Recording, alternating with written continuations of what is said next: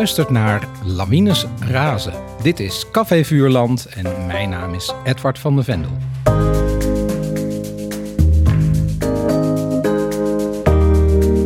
In deze podcast herlees ik klassieke kinderboeken met auteurs van nu. Hoe vers voelen de boeken nog? Wat voor auteur was er aan het werk? Dat en meer bespreek ik vandaag met schrijvers Rima Ori en Marco Kunst. En wij lazen Het Boek van Botpa van Anton Quintana. Het boek uit 1995 dat zowel de Gouden Uil als de Woutertje Pietersen prijs kreeg.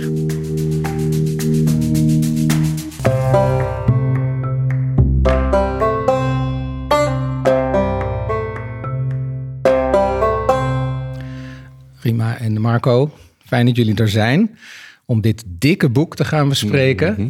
En ik wil jullie vragen om misschien alvast één kort schot voor de boeg te geven, om eh, een korte indruk te geven van jullie leeservaring, Rima. Ja, ik zit er eigenlijk een beetje hetzelfde in als Peregrine. Ik dacht eerst, oh help. En aan het einde denk ik, ja, mooi. Ja, Peregrine is de, de jonge hoofdpersoon. Ja, de hè? hoofdpersoon, ja. Oké, help en mooi. Marco. Ehm, ik vond het boek eerlijk gezegd, eh, om het in één woord samen te vatten, nogal topzwaar. Oké, help, mooi, topzwaar. Die houden we vast. Eh, dan ga ik eh, en nu eerst jullie een beetje introduceren. Eh, Rima, en corrigeer me als iets niet klopt. Hè? Jij studeerde rechten en je bent jurist, eh, maar je schrijft al jaren en jaren. Eerst voor diverse online schrijfplatforms. En in 2018 won je een grote schrijfwedstrijd van uitgeverij Moon. Met je eerste roman, De Zwendelprins. Die je toen trouwens nog onder een pseudoniem schreef. Ja, online wel. Maar toen Online. ik had gewonnen, toen... Nee, het is eh, onder jouw eigen naam uitgekomen, Ja. maar onder pseudoniem heb je Ja. denk ik ingestuurd. Ja. Mira Noir, vind ik een prachtig pseudoniem, want een anagram van je naam. Ja, Eh, dat boek werd uitgegeven, werd ook meteen populair. Het kreeg nominaties voor het beste boek voor jongeren en voor de kleine Cervantes. En in 2022, vorig jaar, kwam je tweede boek In het Vervloekte Hart. Dat niet alleen genomineerd werd als beste boek voor jongeren, maar die prijs ook daadwerkelijk won. En ook weer genomineerd is voor de kleine Cervantes. En ook, was ook voor de jonge jury, geloof ik zelfs, hè? Ja. Eh, in het Vervloekte Hart is zogenaamde high fantasy. Dat wil zeggen eh, dat je een uitgebreide, gefundeerde wereld gebouwd hebt waarbinnen het verhaal zich afspeelt. En in dit geval zijn er ook nog horror-elementen. En is het boek, en daar gaan we het ook straks over hebben, geïnspireerd op Suriname, het land van je ouders.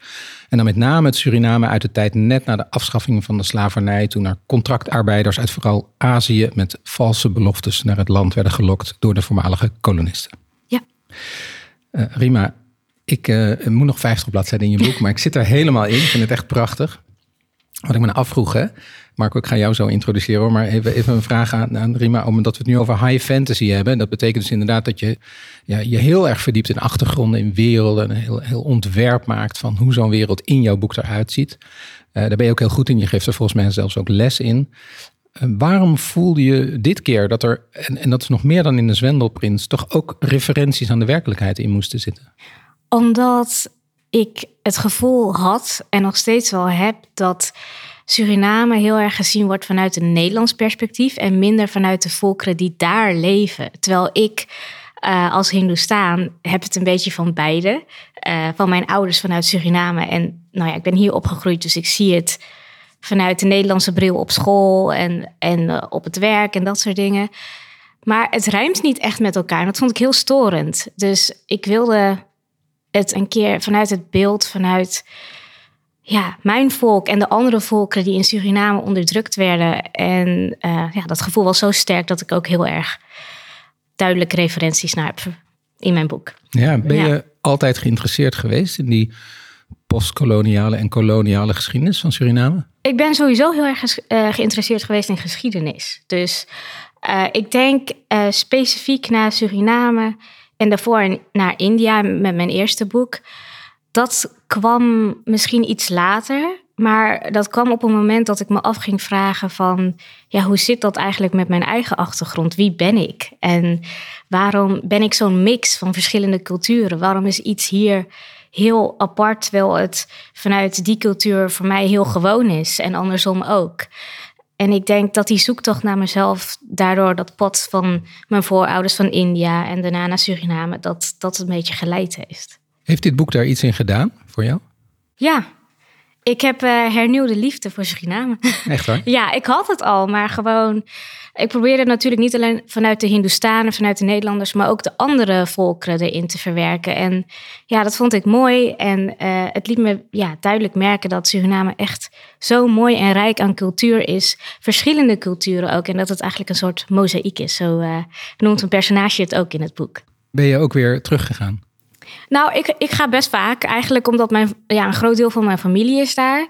Dus ook mijn opa's en oma's, die leven nu niet meer. Maar vroeger, ja, maar ik wilde ze ook zien. Mijn ouders wilden hun ouders ook zien. Dus we gingen er toen wel jaarlijks al heen. Dus, ja, ja. Maar heb je dan, nu ben je ook op zoek gegaan, want in je boek zitten referenties aan allerlei delen ook van, nee, wat, wat, waar we Suriname een klein beetje in kunnen herkennen. Ben je dan ook meer nu naar het binnenland gegaan bijvoorbeeld? Ja, ja, oh ja, dat wel. Ik heb wel dingen gedaan die ik normaal niet deed, omdat ik dan gewoon naar familie ging en eh, ja, daar bleef zo'n beetje en alleen met hun op stap ging. Dus ik ging nu inderdaad naar het binnenland. Ik ben het archief ingedoken in Suriname. Ik ben naar de plantages geweest. Het was allemaal echt superleuk. Ja. Ja. Marco, ja, ik ga, ga jou echt zo introduceren. Ik heb nu twee keer, goed, twee keer heb ik het beloofd. Maar herken je dat? Dat, dat een boek of de research voor een boek je uh, zoveel brengt, wat ook weer met je eigen historie te maken heeft? Um, ja, zeker het boek wat ik nu net heb ingeleverd bij de uitgever. Dat gaat over Walcheren, of het speelt op Walcheren en daar ben ik opgegroeid. En ik ben ook echt op een reisbeurs notabene van het Letterenfonds naar Walcheren afgereisd. En daar allerlei plekken van vroeger weer uh, ben ik gaan bezoeken. En dat roept herinneringen vervolgens wakker. En dat roept gevoel wakker. En strikt genomen heb je het niet nodig om. om, om ik had het niet strikt uh, nodig voor, om mijn verhaal te schrijven. Maar het wordt er heel veel rijker door. En inderdaad, je krijgt die gevoelslading uh, veel beter mee daardoor. Ja. En het brengt dus ook een ander, mogelijk een, net een ander kleurtje aan als je denkt over je eigen geschiedenis. Uh, nee, voor mij was het meer uitdieping en terughalen. Van, oh ja, zo was dat. Of, uh, oh ja, maar die plek had je ook nog. En als je daar de duinen op ging en dan kom je in dat valleitje en daar weer even naar terug gaan. Zo soort, meer de herkenning. Ja, ja. mooi. Ja, Marco, jij studeerde geen rechten, maar filosofie. En je bent volgens mij ook een aantal jaren, niet heel lang, maar toch een aantal jaren filosofie docent geweest. Uh, zijdelings. Ik heb op kunstacademies filosofie van het creatieve proces gegeven. Dat was een vak wat ik zelf had uitgevonden. Ja. Een deel psychologie, een deel filosofie en een deel kunstgeschiedenis. Waarin ik probeerde de studenten te laten nadenken over wat ze nou eigenlijk wilden als ze kunstenaar wilden worden. Wat, wat bijzonder dat je dat zelf bedacht hebt. Ja, ik had al tijdens mijn studie, of ik heb altijd al belangstelling voor beeldende kunst gehad. En ik heb ook zelf heel veel getekend, gefotografeerd, collages gemaakt. En na mijn studie dacht ik, wat moet ik nu? Je wordt niet voor echt een duidelijk beroep opgeleid daar. En toen dacht ik, als ik iets op die kunstacademies kan doen, dan zou dat mooi zijn. Maar wat? Dus ik ben die lessen gaan samenstellen. En ik had vooral heel veel lol in het maken van die, van die hele syllabus die ik heb geschreven. Ja. En dat bracht mij dus ook langzaam eerder op het uh, pad van het zelf gaan schrijven. Ja. En wat die lessen geven, dat vond ik eigenlijk helemaal niet leuk in die tijd. Maar het was voor mij een enorme aanleiding om na te denken over die creatieve processen. En uiteindelijk te concluderen van ja, maar ik wil zelf iets maken. Ja, ja. Dat is trouwens iets wat jullie ook wel gemeen hebben. Jij tekent ook volgens mij, Rima. Ja, dat klopt, ja. Maar, in, maar in, in, voor jezelf of, of uh, publiceer je het wel eens? Nee, ja, voor mezelf, ja. Ah. En je hebt nog geen boek van jezelf geïllustreerd? Nee. Nou, in de Zwendelprins, in de eerste druk zitten wel tekeningen van ah. Dus, maar, maar verder niet. Waarom alleen maar in de eerste druk? Ja, dat was een hardcover en daarna werd het een paperback en oh. toen zijn er dingen uitgegaan. Te duur, ja. ja, ja. Uitgeversproblemen, oké. Okay. Um, Inderdaad, jij zegt, ik, je bent toen gaan schrijven. Dat klopt. Uh, althans, natuurlijk klopt dat. Maar het is dat je vrij snel al enorm opviel. Want de jeugdroman, uh, de, de, echt grote eerste... Het eerste grote boek waar je mee op, op mm -hmm. viel was Gewist, volgens mij, ja. 2004. Daar kreeg je ook een fantasyboek. Kreeg je het Charlotte Keuler stipendium voor, een aanmoedigingsprijs. Sindsdien zijn er echt heel veel boeken gevolgd. Mm. Interessant ook voor verschillende leeftijden in verschillende genres. Uh, ik noem er een paar. Vlieg, een van mijn favorieten. Mm -hmm. Voor kinderen vanaf een jaar of tien. Uh, of het Bigeliaanse sprookje Het Verlangen van de Prins. En natuurlijk ook het uh, echt veel geprezen en vorig jaar verschenen Patroon. Een ijzingwekkende jeugdroman. Over de vraag hoe je verder kunt leven als je per ongeluk je beste vriend hebt doodgeschoten. Dat boek, Patroon, werd genomineerd voor de Boon. eh, dat is de Vlaamse prijs voor het beste kinderboek. En voor de Woutertje Pieterse prijs. En kreeg een zilveren griffel. En je laatst verschenen boek is dan weer een filosofisch sprookje. Het touw en de waarheid. Met tekeningen van Jeska Verstegen. Je switcht dus heel erg tussen realistische boeken en sprookjes of fantasyboeken. Hoe, hoe bepaalt jouw hoofd nu wat het volgende project wordt? Ja, wist ik dat maar. nee, ik, ik ben. eh, er broeden kennelijk allerlei dingen in mijn achterhoofd. En sommige ideeën die, die, die borrelen wat meer omhoog dan andere. En dan ga ik het verkennen. En ik hou wel van bepaalde genres, misschien meer dan andere. Of ik hou wel van science fiction en fantasy. Maar uiteindelijk is het een, een verhaal-idee vraagt om een bepaald genre bij mij. Of dat zie ik voor me in een realistische wereld, of juist in een fantasywereld of in de toekomst. En dat heeft denk ik te maken met dat ik altijd toch ideeën verken. En dan is het een soort gedachte-experiment voor hoe kan ik zo'n idee het beste verkennen en vormgeven. En bijvoorbeeld bij patroon, ja, het is een soort keihard rauw gegeven. Iemand doodt zijn beste vriend. Ik dacht, daar hoef ik niet voor enorme fantasywerelden te gaan eh, ontwikkelen en verzinnen. Dat kan ik gewoon hier en nu houden. Terwijl gewist, dus dat allereerste jeugdboek, science fiction boek, wat 3000 jaar in de toekomst speelt. Het is een soort coming-of-age verhaal. En het, maar het gaat ook over eh, wat is nou het verschil tussen je gelukkig voelen en gelukkig zijn. Tussen authenticiteit en, en illusie. Eh, natuur en cultuur. Een aantal van dat soort tegenstellingen komt erin voor. En voor ik het wist, had ik die tegenstelling tussen een gigantische stad waar alles door techniek bepaald is en de wildernis daarbuiten. En de ideeën werden als het ware meer op de spits gedreven door dat in die verre toekomst te plaatsen. Dus het werd juist helderder erdoor. Maar dat wil niet zeggen dat het niks over het hier en nu zegt. Want dat is uiteindelijk juist wel de inzet. Precies, ja. Zoals dat met goede fantasy natuurlijk altijd Ja, is, toch? precies. Dat Ja. eh, wilde ik echt aanvullen. Ja. Ja. Ja, en je zegt het begint vaak met een, eh, mag ik het vertalen als een filosofisch dilemma? Of is dat te groot? Eh, Het begint heel vaak met een beeld. Een beeld waarvan ik zelf niet weet wat het betekent. Dus bij het verlangen van de prins zag ik een driemaster voor me die een hedendaagse haven binnenkomt varen. Dus zo'n 17e eeuw schip wat binnenkomt varen. Matrozen strijken de zeilen en die zeilen worden zo over de kade getrokken dat het verandert in een circus tent. En ik dacht, ik moet daar iets mee. Ja, ja. En het, wat daar zijdelings wel bij komt, is er zijn allerlei dingen uit de actualiteit die het dan gaan verrijken. En ik denk dat ik toch heel veel beelden van bootvluchtelingen heb gezien in die tijd. Wat het eerste wat bij een personage vervolgens bij me opkwam, is een klein jongetje wat helemaal alleen in een rubberbootje aanspoelt op het strand. Dus van ja, dat moet mijn hoofdpersoon zijn. Hier zit ook de link naar eh, Touw en de Waarheid. Eh, ja, dat is, daar wordt ook gevaren, dit zeg maar. En ook eenzame mensen in bootjes die op drift raken. Weggehaald Absoluut. van je, van je echte leven. Ja, ja. absoluut. Dus op die manier komen er uit volkomen verschillende werelden of onderwerpen dingen bij elkaar. En daar probeer ik dan eenheid in aan te brengen. En dat ik hoop ik dat het een verhaal gaat worden. Ja. Laten we het over eh, Anton Quintana hebben en eh, over Bot Pa. Die eh, zal ik ook even introduceren. Eerst Anton Quintana. De- dat is een man met, met een bijzondere bio. Ik weet niet of jullie het opgezocht hebben, maar ja, hij leefde van 1937 tot en met 2017. Hij heette eigenlijk Anton Kuiten. Kuiten. Hij was de helft van een tweeling. En dat is een feit dat zijn leven in grote mate zou bepalen. Want bij de geboorte bleek namelijk dat zijn broertje André heel knap was, gezond. Maar Anton had schade opgelopen en werd bijvoorbeeld geboren met een scheef gezicht. Waardoor iedereen die niet goed oplette in zijn kindertijd dacht dat hij een geestelijke beperking had. Hij groeide ook nog eens op zonder vader. Die heeft hij letterlijk in zijn hele leven één minuut gezien, zoals hij wel eens verteld heeft. En de moeder overleed toen de tweeling tien was. Toen kwamen ze in een weeshuis terecht waar André, de knappe helft, in plaats van dat, ze met z'n tweeën optrokken, eigenlijk de afstand tussen die twee jongens ging vergroten door, eh, door hem heel erg te pesten. Bijvoorbeeld nogal overheersend was hij. Anton was vaak ziek in die tijd en begon op zijn ziekbed als een razende te lezen. En op zijn zeventiende ging hij reizen en zwerven. Hij zei daar bijvoorbeeld over: Ik ben gaan zwerven om van mijn broer weg te zijn.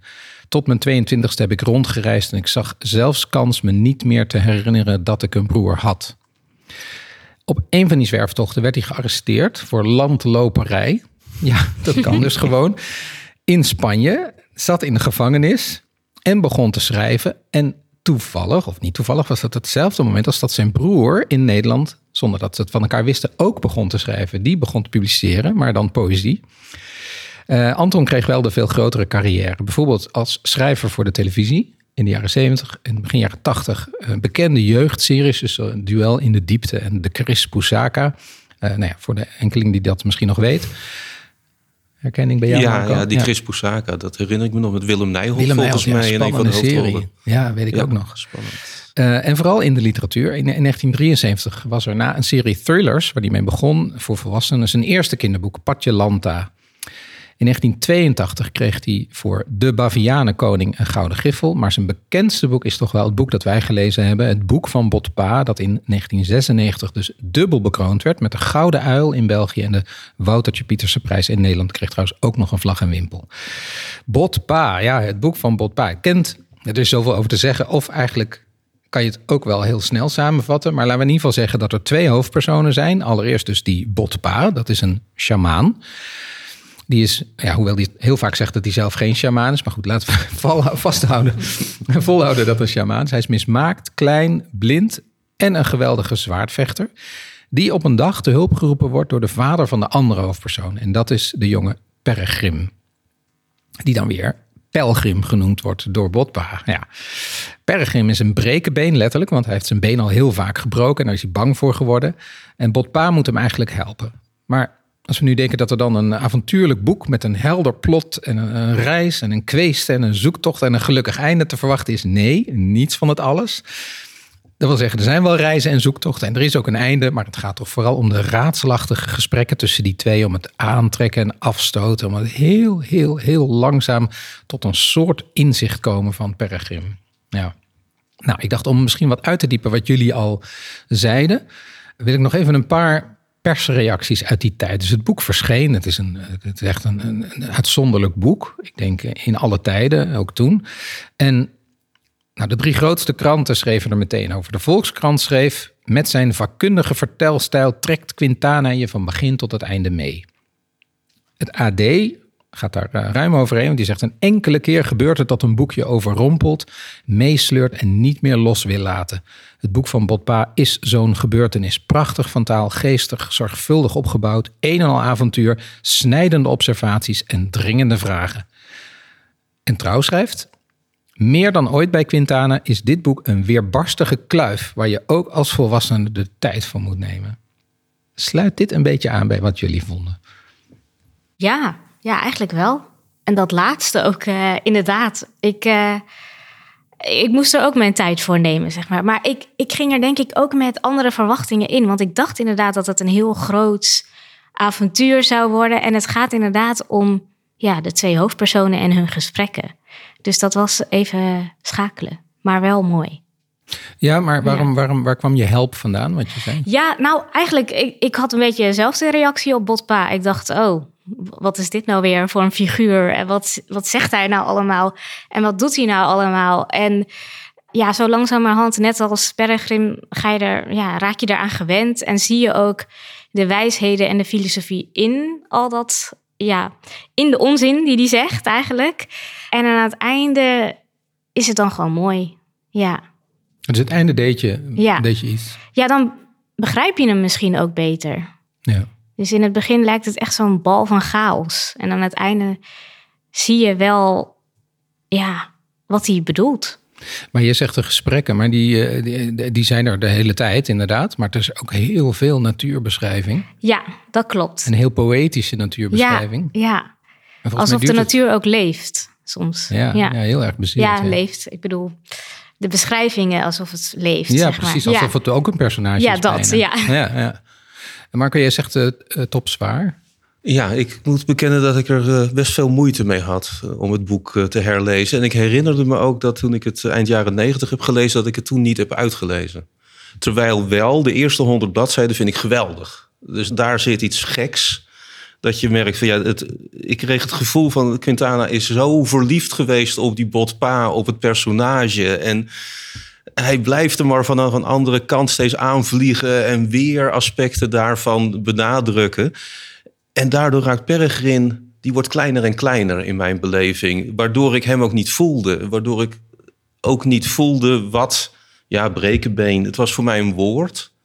En die Botpa is zo dominant. Hij heeft ook letterlijk het boek in beslag genomen. Het heet het boek van Botpa. Het is van hem en verder niemand.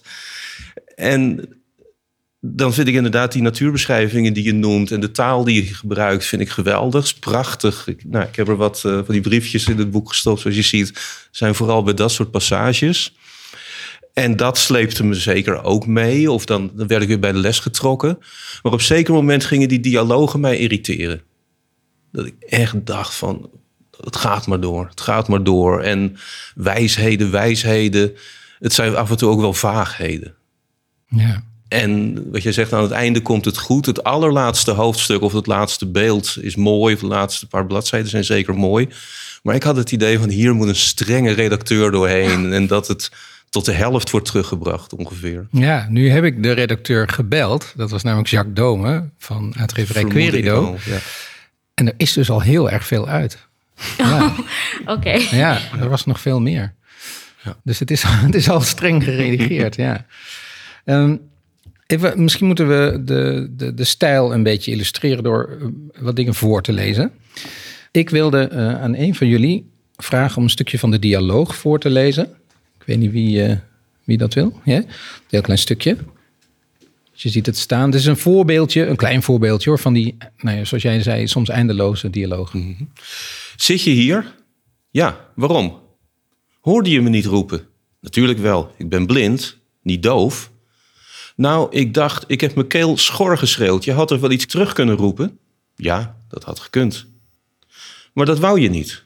Blijkbaar niet. Je bent kwaad. Nee. Op mij ben je kwaad. Nee, ik ben op niemand kwaad. Ook ben ik niet ziek. Ik heb alleen maar niet teruggeroepen. Ja, nou ja, dit is een heel klein stukje. Want hier, deze dialoog gaat geloof ik nog drie bladzijden dan, dan door. Ja, een beetje iets minder hakketak, maar het is wel uh, Ja, maar dat, de hakketak is de hele tijd, hè? Ja. ja. Het is niet dat ze heel leuk met elkaar uh, eens zijn, ja. ja. En uh, Rima, zou jij een stukje van misschien een natuurbeschrijving willen voorlezen? Dat is deze bladzijde. Dat, dat is een stuk, heel poëtisch stuk, gaat over wat de wind is. En altijd was er de wind. De wind van de velden die plotseling aan je kwam hangen met de zwaarte van dampige kamelenvacht, zodat je nog slechts met de grootste moeite vooruit kon komen. Die deed alsof hij haasje over wilde spelen en er ineens met je stem vandoor ging, zodat je onverstaanbaar werd. En als je toch koppig bleef doorpraten, raakte je buiten adem en kon je op het laatst alleen nog maar fluisteren: Versta je me? De wind van de velden die onverhoeds onder je jas dook en je dwong belachelijk grote passen te maken die kans zag door de lucht de vreemdste voorwerpen te vervoeren, afgerukte planten, takken, vogelnesten, ja, zelfs kadavers. De wind van de velden, een rabauw, een vandaal, een brokkenmaker die het ene moment hoog aan de hemel de wolken uit elkaar rafelde en het volgende moment het gras op de heuvels plat stampte. De wind die een muzikant was en niet slechts de grasharp bespeelde, maar ook wondermooie klanken wist te ontlokken aan de holtes van de doodgebliksemde bomen. De wind die om je heen bleef tollen tot je op het laatst, te bek af om nog te kunnen schelden, zomaar ergens ging liggen, als het maar uit de wind was. De wind van de velden van wie je nooit zou verwachten dat hij aan windstilte deed, tot het onwaarschijnlijk kalm werd om je heen.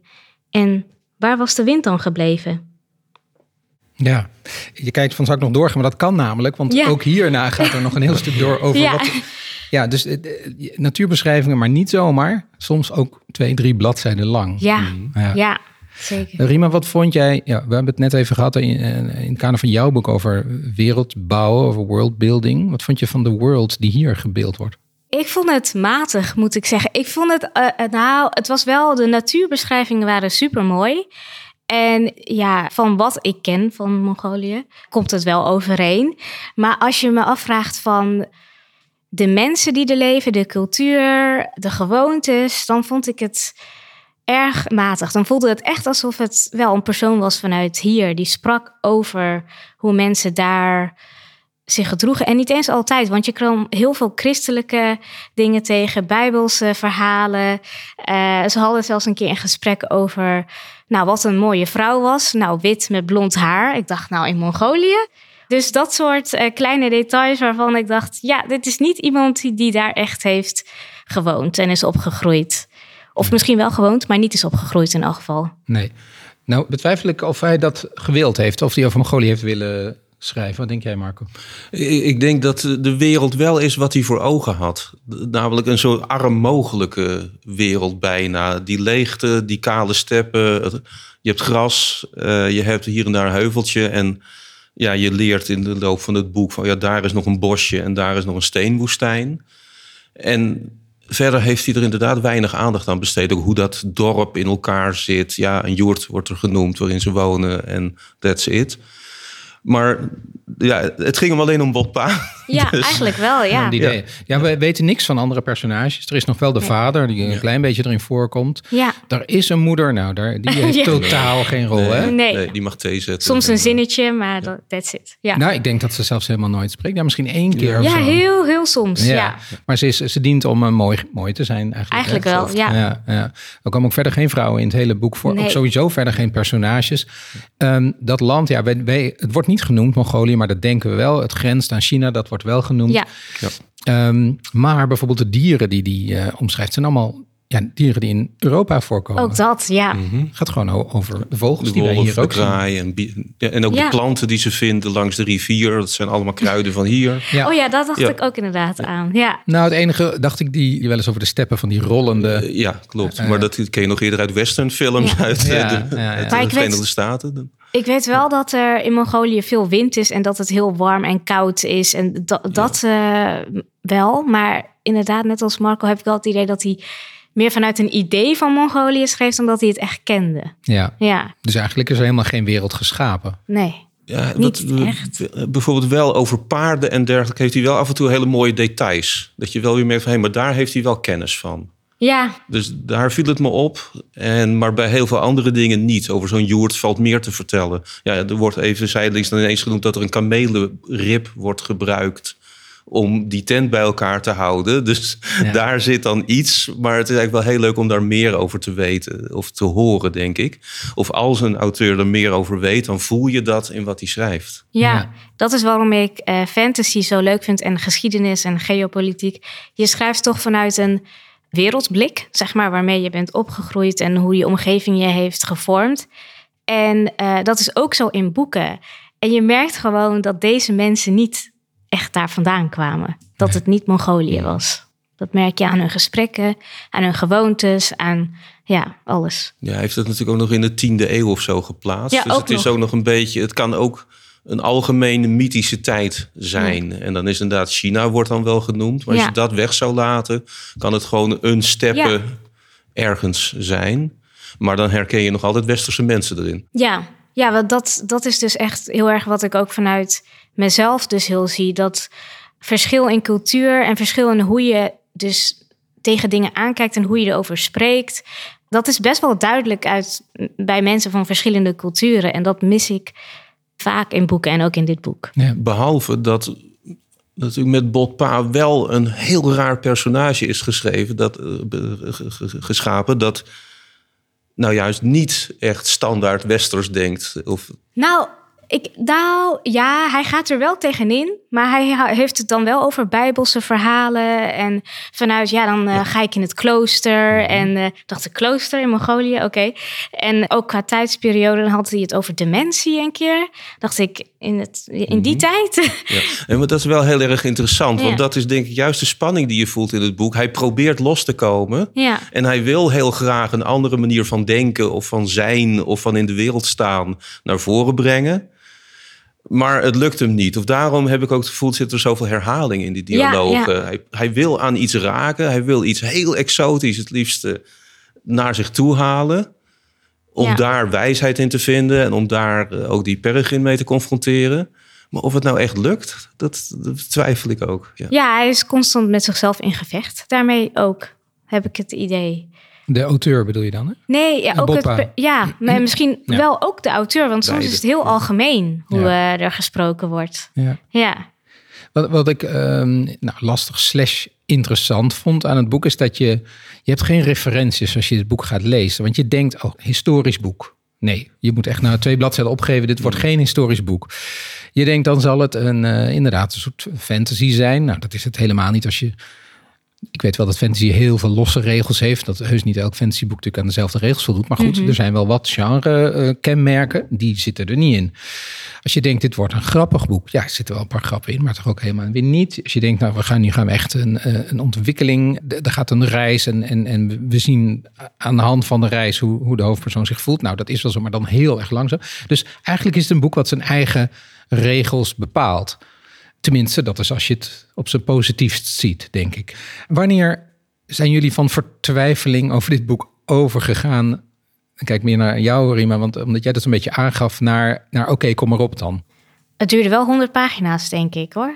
En pas halverwege dacht ik, ja, nu vind ik hem wel mooi worden. En het klopt wel dat er veel herhaling in zat, maar ik vond, ja, misschien spraken de dingen die hij zei tot me. Ik vond het wel mooi en inderdaad het einde ook wel. Ook met dat vogeltje, dat vond ik wel erg trouwens. Maar... Nou, vogeltje, dat moeten we wel even zeggen. Dus er worden, ja, het gaat toch een klein beetje over hoe een brekenbeen Peregrim eigenlijk geholpen wordt om niet meer bang te zijn voor de hele tijd breken van zijn botten. En een van de dingen die, ja, die de ja, we lachen allemaal, voorstelt, is: oké, klim naar boven. Daar is een vogeltje, een koutje, een, een jong vogeltje net geboren. Uh, dat moet de spergrim doen. Die moet hem meenemen naar beneden. En als hij dan beneden is, dan geeft, moet hij dat geven aan, aan, aan de shamaan, aan Botpa. En die breekt vervolgens de pootjes oh, ja. van dat dier. Vreselijk. Toen heb ik hem echt weggelegd. Toen dacht ik, nou... ja, en de reden is dan van, oké, dan, dan gaan we allemaal kruiden geven aan dat vogeltje. Dan zal het zelf herstellen. En dan kan je later dat vogeltje dan weer opeten. En dan zitten die kruiden ook in jou.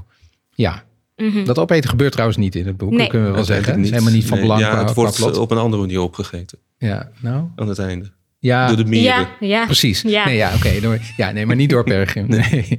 nee, dat is dan niet meer nodig. Uh, het grappige wel bij dit boek is dat je, je kunt rustig plot dingen spoilen, want daar gaat het helemaal niet over in het boek. Nee. nee. Ehm, als ze er al zijn, die, die plot-elementen natuurlijk. Ja. Ik, ik, vond het juist wel leuk. Jij zegt, zegt, ik heb het boek weggelegd toen die pootjes van het vogeltje werden gebroken. Maar ik had wel zoiets van, dat ik het op dat moment wel geweldig vond. Oh, echt waar? ja, maar in de zin van hij durft. en dat is, daar, jij zei ik moest er honderd pagina's inkomen en toen kwam ik op gang. En ik had juist de eerste honderd pagina's juist zoiets van, ah, heerlijk. Wat een originaliteit, wat een, een, een andere stem. Dat personage die inderdaad extreme dingen doet. Hij, hij zuipt zich laveloos.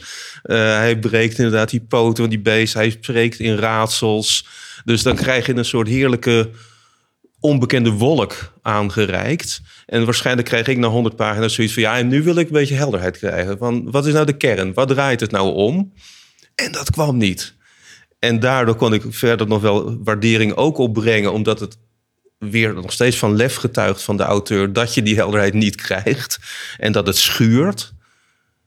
Maar helemaal uiteindelijk merkte ik dat ik toch ook ging afhaken daardoor, dat het te veel werd. Ja, ik, ik had dat inderdaad heel anders. Ik denk dat ik er aan gewend raakte en een beetje de logica in de onzin zocht. En uiteindelijk die een soort van vond. Bij mezelf dan. Mhm. Waardoor ik het juist weer uh, mooi vond. En ik ging er met hele andere verwachtingen in. Daarom dus de eerste honderd pagina's dacht ik, wat is dit? ja. ja. Anton Quintana heeft een uh, heel uitgebreid interview in het Parool gegeven over dit boek. En daar zegt hij verschillende dingen. Ik wil een paar van die dingen aanhalen. Hij zegt ook bijvoorbeeld dat het een boek is waar het zwerven heel erg van belang is. En dat klopt dan weer met zijn eigen historie natuurlijk. Hij vertelde eerst een kleine anekdote over zijn eigen zwerven. Die lees ik even voor. Hij zegt: Zwerven is moeilijk, landlopen bedoel ik. Dus niet met een hoop geld en dan van hotel naar hotel. Maar in de greppel slapen, zonder geld. Alleen met een cape en een lap die ik als tas gebruikte. Ik lifte heen en weer tussen Gibraltar en Kiruna in Noord-Zweden. Rusteloos, rusteloos, rusteloos. Bij Kiruna houdt de weg op en een trein kon ik niet betalen.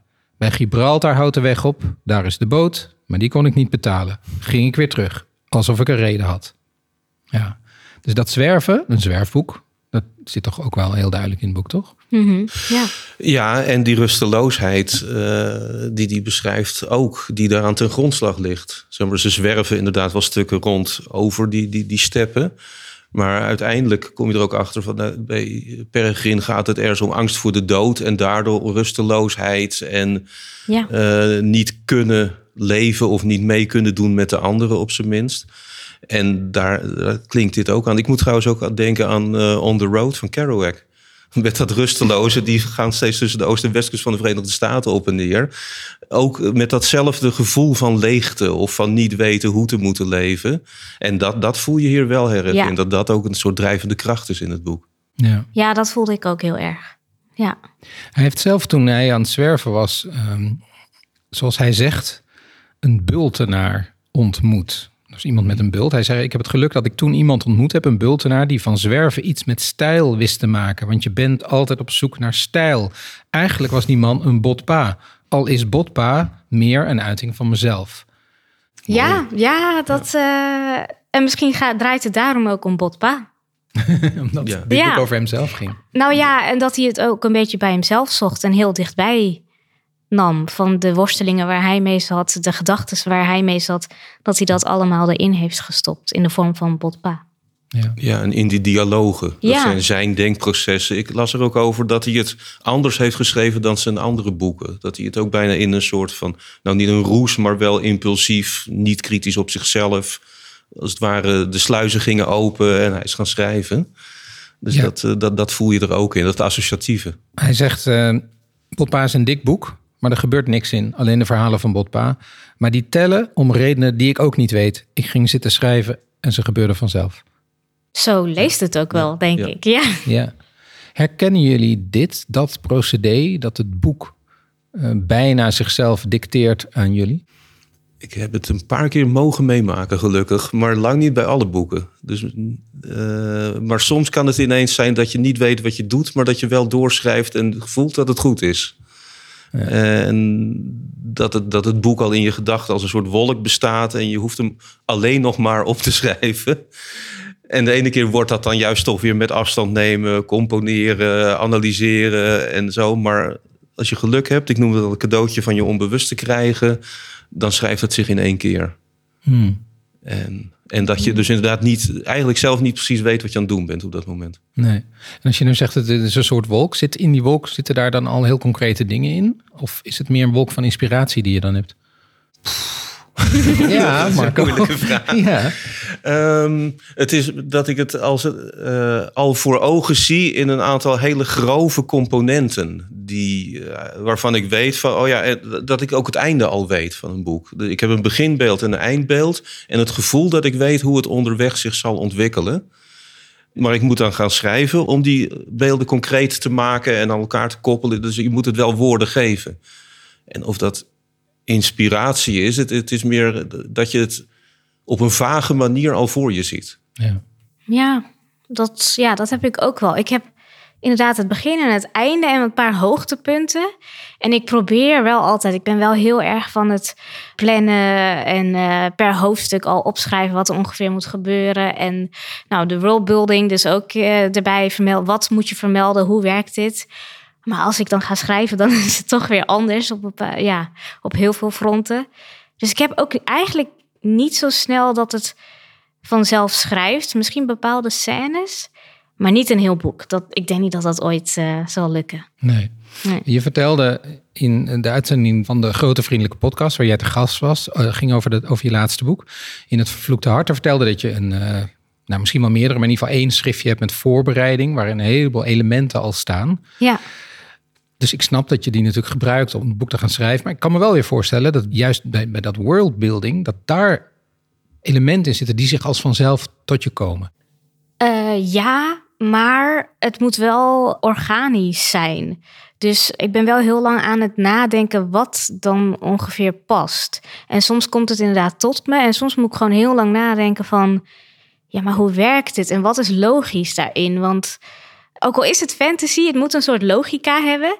En daarom ben ik ook heel veel bezig met de echte wereld en hoe dat werkt. En eh, ja, de logica daarin, ook al zie je het niet meteen. Het klinkt heel vaag als ik het zo zeg. Maar in alles zit een bepaalde logica. En daar moet ik wel heel lang over nadenken of het past in de wereld die ik dan ongeveer geschapen heb. En dan moet het tot in de details. Dus daar ben je wel heel lang mee bezig. Ja, je noemde toen een voorbeeld van een, een, een groot zwart gebouw komt in je boek voor. Maar het is midden in de jungle, dus zwart is niet echt handig. Nee. Qua aantrekken van warmte. Dus Ja. daar moest je een reden voor verzinnen waarom dat zwart moest zijn. Ja, ja, precies. Dus je kan niet zomaar alles erin gooien. En ook, ja, ik zeg ook wel vaker eh, dat fantasy is misschien verzonnen, maar je kan niks helemaal verzinnen. Dus ergens haal je het uit de echte wereld. Net zoals met kleuren. Je kan geen nieuwe kleur verzinnen. Je mengt kleuren misschien, maar je kan niet iets nieuws verzinnen.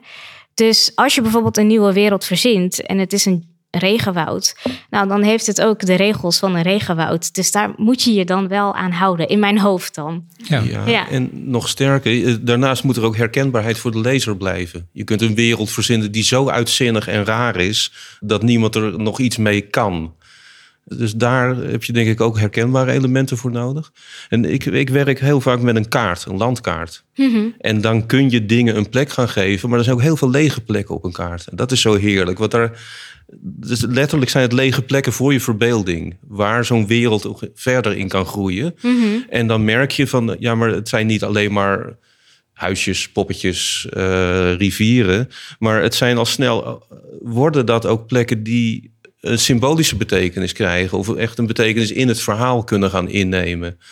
Dus die, die kaart die wordt een soort drager van je verhaal ook erbij. En dat vind ik een hele fijne manier om werelden mee te bouwen met eh, kaarten. En vervolgens kunnen er heel veel routes plaatsvinden. Dus je, de, de, de reis van de hoofdpersoon kan ook nog eens... kun je heerlijk gaan verkennen. Verschillende plekken daarin die die Ja. aandoet. Je hebt ook een, de kwestie van hoofdpersonages in fantasy of in historisch of in science fiction romans. Ehm, wat ik bij jullie boeken allebei heel sterk vind, is dat we een hele sterke eh, hoofdpersoon hebben die, waar we eigenlijk vanaf het begin in zitten. Bij Botpa begrijpen we dat, dat hij zelf zich erg herkende in Botpa. In die zin is het misschien ook wel zo dat hij wel meteen als een soort personage tot je spreekt. Maar bijvoorbeeld in jouw boek, Rima, Priya, een meisje dat nou, is opgegroeid met het besef dat anderen haar niet volledig zien. Ja, we kunnen helemaal gaan uitleggen, maar dat is toch wel Ja. waar het om gaat. En Ja. op een gegeven moment komt ze in een, eh, in een omgeving terecht waar ze meer gezien wordt. En als we nog even naar Patroon gaan, die jongen die een, een verschrikkelijk uitgangspunt heeft, die echt moet leren hoe je moet leven daarna. Konden jullie, want dit zijn allebei best grote dingen, even dan los van het genre, hè, maar konden jullie altijd gewoon maar die persoon loslaten als je opstond van je schrijftafel? Nou, ik heb bij Patroon... Ik ben helemaal niet zo goed in het verzinnen van personages. En ik heb wel vaker gehoord van... hé, maar die jongen die ken ik. En dat, vooral mijn moeder die zegt dat dan. Want die kent ze van vroeger, die jongen nog. Ja. En eh, dat is bij Patroon eigenlijk ook. Ik heb dat toch voor een heel groot deel geschreven... met mijn eigen 16-jarige ik voor ogen. Wat zou het met mij doen als ik in een dergelijke situatie terecht was gekomen? En in die zin lag hij heel erg dichtbij. En eh, op een zeker moment kun je dan zo diep in het verhaal, in het boek zitten, dat je wel gaat voelen zoals die persoon. En dat je dat ook inderdaad meeneemt. En dat was voor mij ook zelfs de enige manier om het schrijfbaar te maken. Als ik er een theorie, een, een verzonnen personage had genomen die weinig met mij te maken zou hebben, dan zou het me niet gelukt zijn. Nee, maar dat snap ik. Dat, je dat, en dat is dus ook heel erg goed gelukt. Hè? Dat je het op die manier schrijfbaar hebt gemaakt. Maar is, is dat dan ook altijd leefbaar? Dit, dit was geen, het is geen licht verhaal, hè? Nee. eh, ehm, ja, het is heel interessant om zoiets te verkennen. En het is natuurlijk toch veilig, want het is op papier of in de computer. Dus, en in die zin is aan de ene kant... het is een spel tussen het echt maken en inderdaad die verschrikking voelen. Want ik moest echt voelen, ja, hoe zou dit zijn? Je beste vriend doden. En het is ook nog eens gerelateerd aan dingen die ik heb meegemaakt. Al zijn die helemaal getransformeerd. Dus je moet in dat gevoel gaan zitten.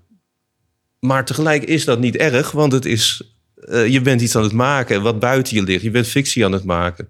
Dus het is ook eh, ja, fijn. Ik ik zeg wel eens van inderdaad, je moet als schrijver een soort sadist zijn, want je moet het je hoofdpersoon zo moeilijk mogelijk maken. maar tegelijk zul je zelf voor een deel die dingen wel moeten voelen die die doormaakt. Ja. En bij jou, jouw afstand tot Priya? Ja, ik denk eh, bij mij helpt het ergens wel dat het ook in een land afspeelt dat niet bestaat. in zekere zin. Dus ik voel het wel, maar er is ook wel enige afstand van dit is haar leven, niet, niet mijn leven. Het zou veel moeilijker zijn geweest als het een historisch roman was geweest voor me. Dat het echt letterlijk wat er toen is gebeurd, dat ik dat erin mee zou gaan, omdat ik dat ja, meer nog zou voelen. En ik zeg niet dat dit boek daar, dat het er niet veel in zit, maar het hielp wel dat ik er ook magische elementen en andere elementen in kon weven. En haar gevoel en haar situatie is natuurlijk heel menselijk. Want ik bedoel, je kan de magische en fantasy elementen weghalen. En we hebben zoveel situaties waar dat ook in voorkomt, wat zij meemaakt. Maar ik kon er wel enige afstand door bewaren. Dat was, wel, uh, was ook wel fijn. En ik ben ook wel heel analytisch als ik schrijf. Dus dat gevoel is wel iets minder als ik zelf schrijf. Als ik lees, heb ik dat niet. Nee. Ja. Nee, dan, dan word je pergrim. Ja. ja. Um, Botpa gaat uiteindelijk over hoe je moet leven. Of eigenlijk ook hoe je moet omgaan met de dood. Dat is een heel groot element. Uh, Quintana zei erover, Botpa is een vechter die ook wel eens wil verliezen. Hij heeft tot nu toe al zijn gevechten mm -hmm. gewonnen. Uh, misschien is, zegt hij dan, een gevallen engel, een soort Lucifer. En dan die jonge Peregrim, ja, die deugt eigenlijk, maar hij is lam geslagen. Hij is bang voor het leven. Terecht, want het leven is heel angstaanjagend. Je gaat dood aan het leven, aan niks anders. De boodschap is in je leven, je moet gaan om te gaan. Maar daarbij geen enkel moment vergeten dat de dood er is. Gaan om te gaan. De, uh, voor hem is dat de hoofdboodschap van dit boek. Doe gewoon wat je moet doen, wat je ja. voelt. Ja. Ja. Niet te veel denken. Mm -hmm. Ja, resoneerde dat bij jullie? Wat bedoel je met resoneerde? Nou ja, had je er iets aan? Uh, lijkt het op iets wat je, wat je zelf in je leven hebt gevoeld? Of dacht je van, nou, maar dit is te makkelijk? Nee, ik moet meteen denken aan zo'n uitspraak die ik lang geleden bij mijn filosofiestudie ook ergens uh, las in het terzijde, geloof ik zelfs. En dat was uh, vivre, c'est pas survivre. En daar doet dit me dan ook aan denken. Het leven is niet overleven, dus het plannen en vasthouden en jezelf veilig houden. Maar inderdaad, daar zit ook iets in van het gaan. En ergens heb ik dat altijd wel, die uitspraak in, in mijn achterhoofd ook gehouden. Van doe maar en probeer maar en schrijf maar wat en gooi het maar de wereld in. Als het om boeken gaat. Want je zal wel moeten. Je kunt eindeloos blijven veilen aan iets of eindeloos blijven nadenken over dingen die je misschien zou willen. Maar probeer maar. Ja, het is ook, en volgens mij stond er ook in het boek: het enige wat je dan zeker weet is dat je geboren wordt en doodgaat, zoiets. En wat je daar tussenin doet, ja. Ja, dat heb ik ook altijd, nou niet altijd. Sinds ik ouder word, heb ik wel zoiets van: ja, weet je, je moet gewoon een fijne tijd hebben, want je gaat toch wel dood. Dus ja, dat sprak wel tot me. En ik dacht ook van, ja, waarom zou je uh, te lang treuzelen om dingen of te angstig zijn als het aan het einde toch niks meer uitmaakt? Dus. Herken je die zoektocht van Peregrim om bij een ouder iemand, of naar hij hoopte wijzer iemand, raad te vinden, advies te vinden? Ken je dat? Heb je oudere mensen in je omgeving uh. waar die je wel eens vraagt van hoe zit het? Nee, ik haal het uit boeken. Ja, ja nee, ik, ik, vraag het niet zoals. Uh, ja, nee, ik heb niet zulke uh, gesprekken dat ik echt vraag van ja. En de dood en hoe zit dat dan? En ben je niet bang? Nee, dat, dat heb ik niet zo uh, vaak gehad. Nee. Eigenlijk niet. Terwijl je boeken daar toch wel, niet per se voor de dood, maar die raken toch echt wel aan hoe moet je leven en waar, wie ben je nou eigenlijk en wie ja. ziet jou? Ja. En wie verraadt je ook vooral? Ja, maar dat is meer waar ik dan zelf mee bezig ben. Maar het is niet dat ik daar heel veel gesprekken over voer. Nee, maar wel met de literatuur. Dat ja, ja, ja. Is er iets aan dit gesprek met deze auteur, Anton Quintana, in het boek van Botpa, waar je zelf iets aan zou kunnen hebben? Mm, daar moet ik even over nadenken. Ja, sowieso wat hij zei natuurlijk over het leven en de dood en de angst. Uh, dat vond ik heel mooi. En er was nog iets, maar ik ben het nu kwijt. Nou, het komt misschien ja. zo nog. Ja. Hoe zit dat bij jou, Marco? Of ik iets heb aan het boek. Ja. ja. Um, nou, eigenlijk ga ik dan een heel flauw antwoord geven misschien. Of ik weet niet of het flauw is, maar wat mij vooral opvalt... is dat ik er verhaal technisch heel veel van leer. Dingen die je wel kunt doen, dingen die je niet kunt doen. Dingen waar ik jaloers op kan zijn. Dingen waarvan ik denk van dat had je niet moeten doen. Dus inderdaad, uh, als je denkt aan personages, werelden, uh, de inzet van je verhaal. Uh, kan ik me er heel goed op die manier toe verhouden. Van wat is er nou belangrijk in een verhaal of in verhalen die ik zou willen schrijven. En daar krijg ik, juist omdat het voor een deel irriteerde, letterlijk, was het heel leerzaam omdat ik heel erg de botten van het boek zie, als het ware. Oh, dit gebeurt zo, dit doet hij blijkbaar. En, en dan zou ik denken van, ik doe het niet zo of ik wil het niet zo doen. En op andere momenten is het juist van, ja, het is ook wel mooi dat het schuurt en dat het irriteert. En mm dat er flauwekul voorbij komt en dat die flauwekul ook nog eens een paar bladzijden doorgaat. En, dus er zit ook weer vrijheid in en dat is ook iets om in je achterhoofd te houden. Ja. Ik had zelf vooral dat het echt een ontmoeting met een auteur is die nou misschien wel zijn meest vanuit het hart geschreven boek had gemaakt. Ik vond het ook lastig om te lezen hoor. Echt, ik moest ook echt wel een beetje mezelf ertoe zetten. Maar ik had wel het idee van, uh, ja, dit moest hij maken. Hier had hij geen keus. Ja. Mhm. Eh, hij zei ook, mijn eigen gaan om te gaan, dus zijn motto, is boeken schrijven. Zonder rekening te houden met de smaak van anderen. Want je daaraan aanpassen leidt tot verloedering. Ik denk niet dat de wereld zit te wachten op nog een boek van mij, maar dat doet er niet toe. gaan om te gaan. Schrijven is mijn onderdak, mijn vluchtheuvel. Mooi. Ja, die is heel mooi. En het vat het ook wel een beetje samen. Eigenlijk is het soort van dat je je vrijheid pakt om inderdaad te doen wat je wil doen. Ja. ja. Gaan om te gaan. Ja. ja. ja. Hierna heeft hij nog maar één boek geschreven. De Hemelruiter was een vervolg. En uh, dat was een nog moeilijker boek. en hij wilde nog meer schrijven. Hij wilde ook nog over zijn moeder schrijven. En ook nog over zijn tweelingbroer. Is allemaal niet gelukt. Dus uh, het was ook wel een onderdak. Wat misschien uiteindelijk de laatste woning is gebleven. Ja. Mm. Mooi. Dank jullie wel. Voor het lezen van dit boek. En voor het meedenken. en uh, ja, nou, onderzoeken wat Anton ja. Het was een avontuur. Dus, ja. Uh, ja. Een avontuur. Zonder plot. Ja, maar dus inderdaad bijna in het lezen zelf maak je zelf een avontuur mee. Dat is het misschien wel. Er gebeurt inderdaad niet zoveel. Ze, ze, ze, zwerven maar wat rond. Ja, ja, inderdaad. Ze gaan om te gaan. Maar er gebeurt tegelijk toch van alles op een ander niveau. Ja. Ja. En het is ook wel gewoon mooi om zo'n type boek te lezen.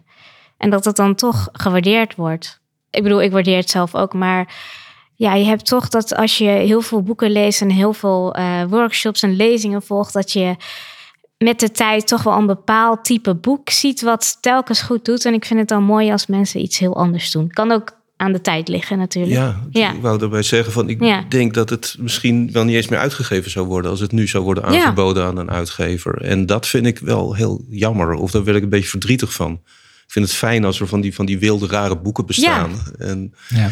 dacht ik van, hé, hey, is het niet tegenwoordig zijn de redacteuren heel professioneel, maar het beeld van hoe dus een goed boek eruit moet zien, is daarmee ook vooraf al wel een beetje bepaald. Ja, je krijgt, uh, ik bedoel, de uitvoering is anders, maar de botten waar jij het net over had, dat komt wel steeds meer overeen dan. Ja, en dan zeker bij jeugdboeken wordt het ingeperkt. Volwassen boeken kan het misschien nog wel bij, maar voor jeugdboeken wordt het meteen, ja, maar voor die leeftijd kan het niet. Of dan haken ze af. Je moet meteen, moet er actie zijn, want de kinderen hebben korte aandachtspannen.